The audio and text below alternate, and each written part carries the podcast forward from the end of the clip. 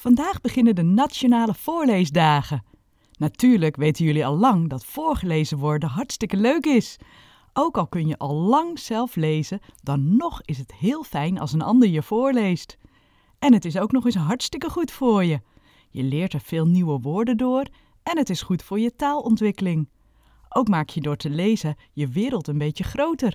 En dat is weer goed om je te kunnen inleven in anderen en om oplossingen te kunnen bedenken voor dingen waar je in je leven tegenaan loopt.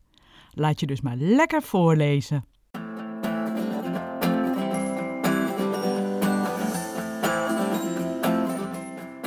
Je luistert naar een nieuwe aflevering van Waarom zijn bananen krom? De Nederlandse wetenschapspodcast voor kinderen.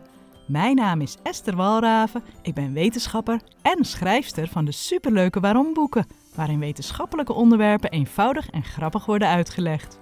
In deze podcast krijg je in elke aflevering antwoord op een boeiende vraag. Dus zet je koptelefoon op en gaan met die banaan.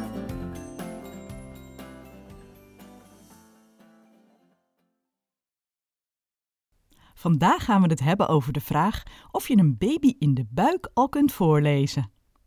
Als je zelf al heel goed kunt lezen, is het natuurlijk leuk om voor te lezen aan iemand anders, bijvoorbeeld aan je jongere broertje of je kleine nichtje. Maar voorlezen aan een broertje of zusje dat nog in de buik zit, kan dat ook?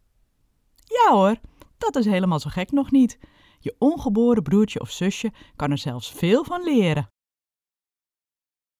Een babytje ontwikkelt zich al vanaf het moment dat het in de buik van de moeder zit. Na ongeveer acht weken zijn de belangrijkste organen aangelegd, dus ook de hersenen.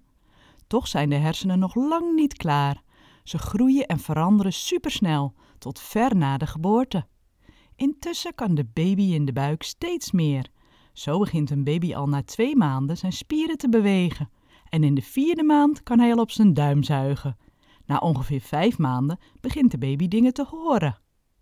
Eerst hoort de baby alle geluiden die de moeder maakt, zoals het bonken van haar hart en het borrelen en pruttelen van haar darmen.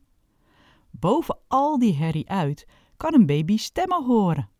Natuurlijk als eerste de stem van de moeder, maar ook de stemmen van andere mensen uit de omgeving, zoals broers, zussen of de vader.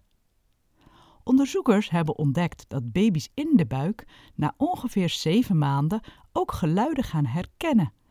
Als ze een bepaald muziekje vaak gehoord hebben, beginnen ze bijvoorbeeld al te bewegen wanneer het muziekje begint. Ook leren baby's in de buik al taal. Meteen na de geboorte herkennen ze zelfs een verhaaltje dat hun moeder vaak voorlas tijdens de zwangerschap. Slim hè, van die baby's. Dus lees je broertje of zusje gerust voor, ook al zit hij of zij nog in de buik. Zo leert hij jou ook alvast een beetje kennen.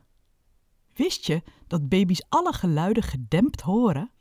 Dat komt omdat de baarmoeder waar de baby in zit vol vruchtwater zit.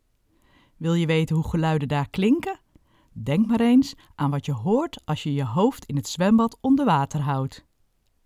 Zo, dat was alweer de eerste dag van de voorleesdagen.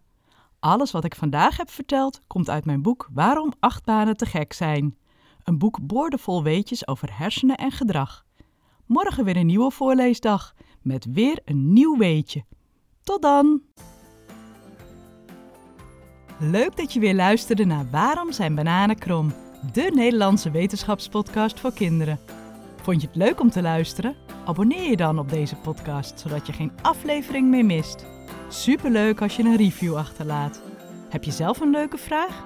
Laat het me weten via Insta of TikTok, @estewalraven, of stuur me een berichtje via estewalraven.nl.